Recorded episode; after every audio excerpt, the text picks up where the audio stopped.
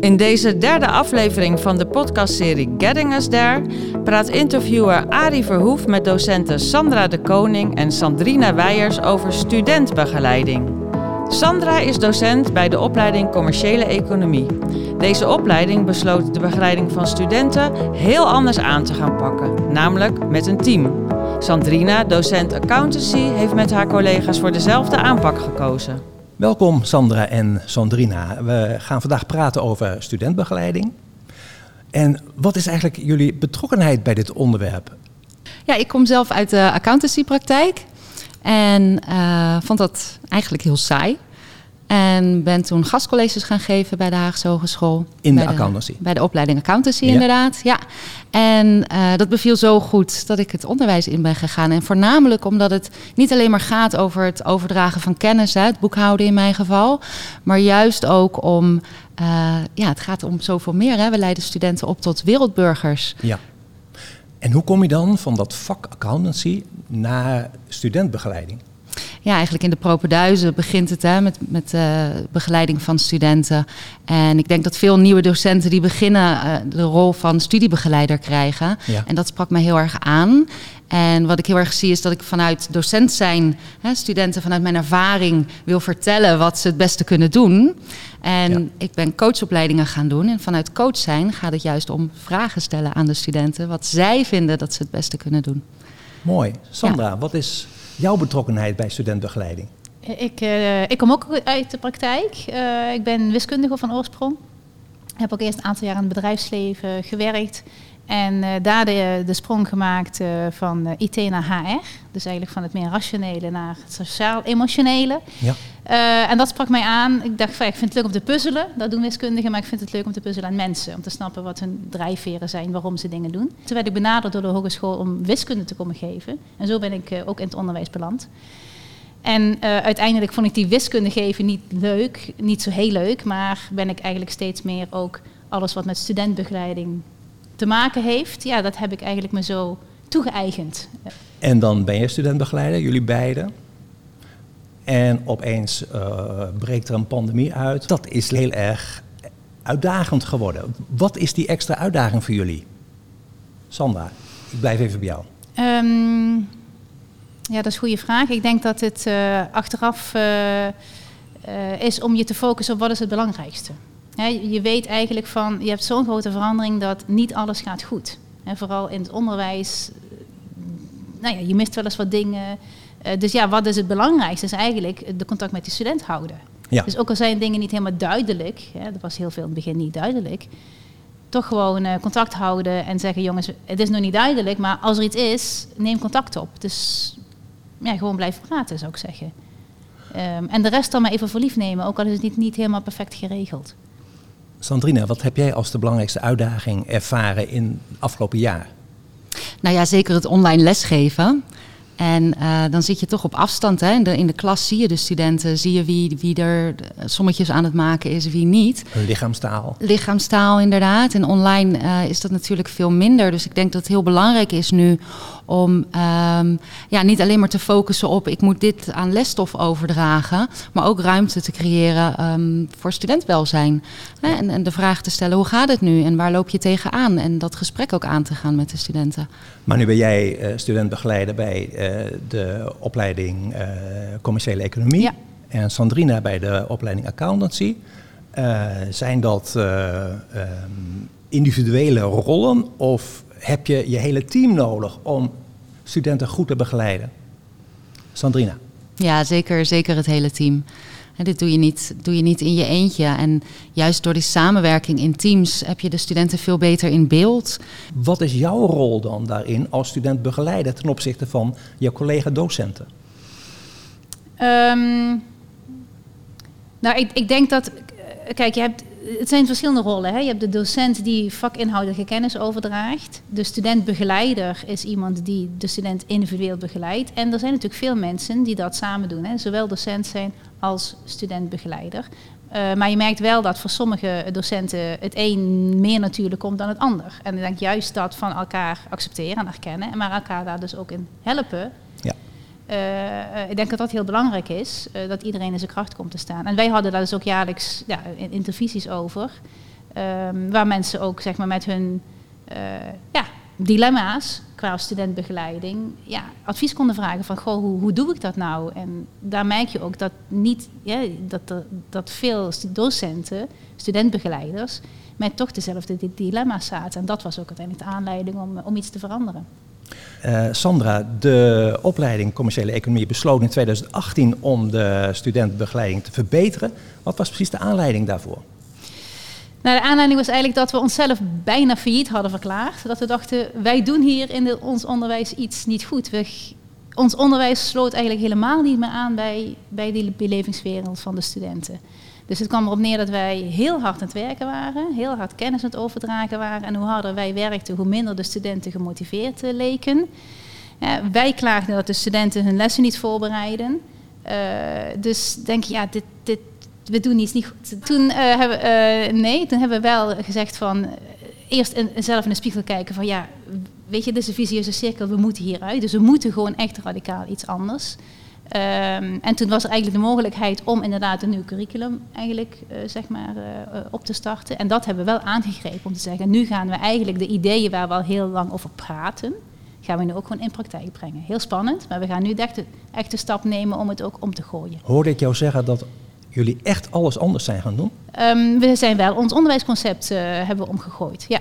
Dus we, we zijn echt vanaf de basis begonnen met een nieuw onderwijsvisie, uh, eigenlijk zou je kunnen zeggen. Van daaruit een nieuw systeem, een nieuw programma, een nieuw curriculum, nieuwe roostering, uh, nieuwe opdrachten. Uh, en zo vanaf jaar één begonnen. En ja, we zijn nu in jaar drie, dus ja, het is echt een behoorlijke, behoorlijke transformatie zijn we mee En hoe kijk je op de achterliggende jaren terug?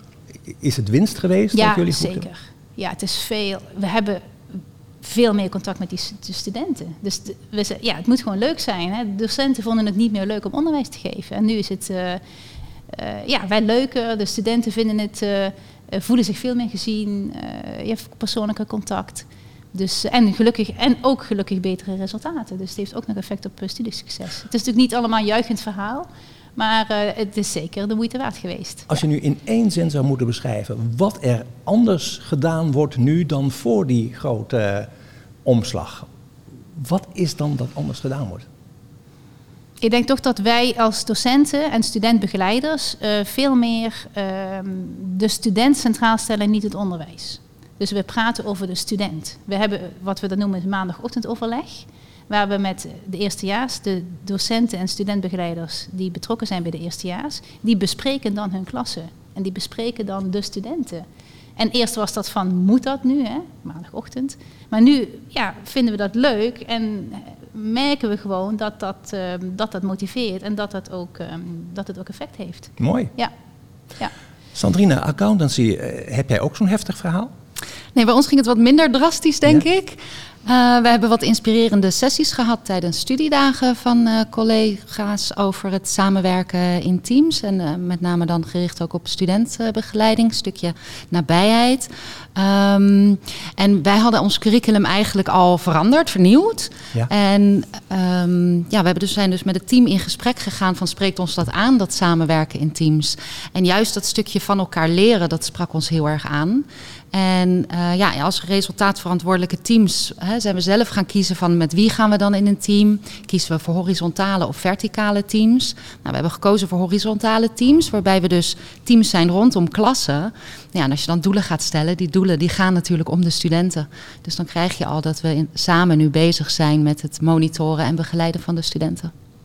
Wat was, Sandra, bij jullie de eerste stap uh, ja, bij ons was de eerste stap toch uh, kijken naar wat is nu de, hè, hoe, hoe willen we, wat, waar geloven we in als nieuwe onderwijsvisie? En dat was ja. eigenlijk hè, uh, hoe sluiten wij veel meer aan bij de belevingswereld van de student? En dat was, dat heet bij ons drie pijlers. We willen de studenten hier op school hebben, hè, dus nabij. We willen activerend zijn, dus het, hè, niet, het is niet zo dat wij gaan iets doen en de student reageert. Nee, de student gaat iets doen en wij reageren. Dus we gingen veel meer in een procesrol.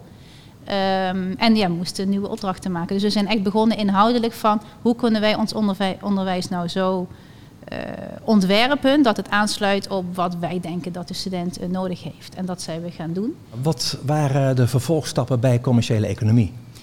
Um, wij hebben zeg maar de aanpak in jaar 1 uh, hebben we eigenlijk doorgetrokken naar de hoofdfase. We moesten natuurlijk ook de hoofdfase herontwerpen. Dus wat we gedaan hebben is um, in de hoofdfase gezegd van wij gaan uh, iedere docent, uh, studentbegeleider gaan wij een groepje van vier studenten geven.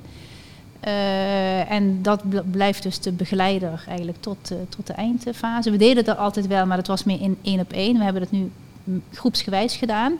Waarbij de studenten ook elkaar, zeg maar, als ja, peers, zeg maar, kunnen, kunnen gebruiken. en dat, ja, omdat we, als je wil dat één docent, studentbegeleider, um, vier studenten kan, kan begeleiden. Je hebt heel veel studenten, dan moet eigenlijk iedereen meedoen. Dus ja, iedereen moesten we eigenlijk enthousiast krijgen voor de studentbegeleidersrol. Dus daar hebben we ook veel gesprekken in, in gestoken, ook goed begeleid en gestructureerd. Uh, en je ziet nu dat, dat de studentbegeleiders zeggen, ja, ik heb nu veel meer contact ook met de studenten in die hoofdfase, want normaliter hè, wordt dat contact dan iets minder.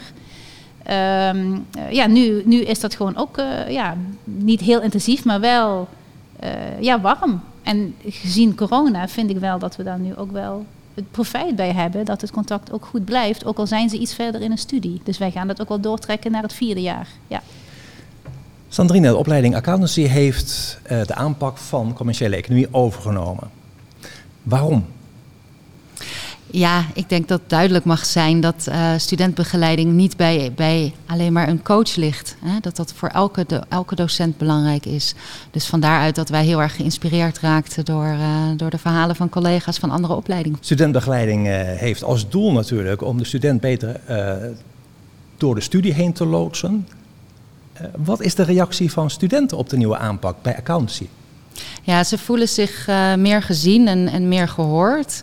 En um, ja, ik geloof ook wel meer gelijk. He, dus de, wat Sandra aan het begin ook zei, van he, eerst was het de docent en daaronder de student. En nu staan we meer naast elkaar. En ik geloof dat de studenten dat ook wel zo ervaren. Herken jij, Sandra, wat Sandrine zegt? Ja. Uh, dus wat ik zie is uh, studenten zeggen, ja, hè, ik, ik, wil geen nummer zijn. Dus ik voel me inderdaad uh, hier, ja, persoonlijk uh, benaderd. Uh, soms moet ik ook eerlijk zeggen, uh, sommige studenten vinden het vervelend dat er zoveel op ze gelet wordt. Hè? Ja. Dus er zijn ook studenten die dat iets minder vinden. Dat zeggen ze ook eerlijk. En nou, we zijn nu ook het systeem, hè, je blijft vernieuwen, ook zeggen van misschien moeten we een aantal dingen meer maatwerk maken daarin. Uh, zodat je nog meer studenten individueel kan bedienen. Maar over het algemeen vinden ze het heel fijn dat, dat, dat studentbegeleiders uh, goed benaderbaar zijn. Uh, en dat je niks hoeft. Weet je, het is gewoon een luisterend oor. Je hoeft, je hoeft niet de schijn op te houden als het niet goed gaat. Nee. Dat je elkaar ziet in wie je bent, maar ook wat je dus mist. Namelijk menselijk contact. En vooral in die leeftijdsfase. Maar jullie zijn studentbegeleiders. Dat betekent uh, dat jullie ook uh, geen hulpverleners zijn. Je wilt ook niet hun mama zijn. Hoe hou je dat zuiver? Hoe hou jij je eigen rol zuiver, Sandrina? Ja, in de eerste plaats, hè, we zijn geen hulpverlener, dus we, hebben ja, heel veel binnen de Haagse Hogeschool waar we naar kunnen doorverwijzen. Mm-hmm. Dus dan heb ik het over uh, decaan, studentpsycholoog, maar ook heel veel verschillende workshops en trainingen. Um, en voor mijzelf, uh, ja, uitgangspunt is verantwoordelijkheid ligt bij de student.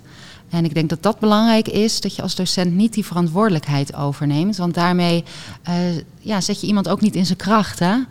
Dus het is belangrijk uh, ja, het vertrouwen te blijven hebben in de student dat hij zelf alle antwoorden in zich heeft en zelf ja.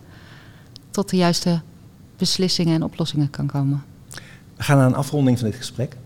Ik zou het heel fijn vinden als uh, ieder van jullie uh, de luisteraars een tip mee zou geven over studentbegeleiding. Mag ik bij jou beginnen, Sandra? Ja, ik zou zeggen, uh, ga, het gewoon doen. Hè. Gewoon, gewoon gaan doen. Niet te veel erover uh, nadenken en discussiëren, maar gewoon beginnen. En uh, begin inderdaad met, met vragen te stellen. Maar begin misschien eerst met je collega's het eens te hebben over waar je nou zelf als docent tegenaan loopt qua studentbegeleiding. Wat vind je niet leuk, wat vind je lastig? Want het kan, zou zomaar eens kunnen zijn als je dat soort hè, twijfels, dilemma's bespreekt met je collega's, dat je niet de enige bent. En als je dan gezamenlijk gaat kijken, goh, hè, waar heeft iedereen, wat zou iedereen anders willen, dat je met kleine stappen al een groot verschil kunt maken. Dus uh, begin klein, uh, ja, met een groot effect zou ik zeggen. En wat is jouw tip, Sandrina? Ja, ik zou zeggen, sta open voor nieuwe ervaringen. En ga het gesprek met elkaar aan hè, over de studentbegeleiding en over het samenwerken in teams. En voor die samenwerking uh, zou ik ook nog kunnen zeggen van uh, nodig een coach uit vanuit die interne coachpool. Hartstikke bedankt voor dit uh, leuke gesprek. Jij bedankt. Dankjewel. Wil jij ook aan de slag met studentbegeleiding? Of heb jij tips waar anderen weer mee verder kunnen? Kijk dan op Medewerkersnet bij Getting Us There.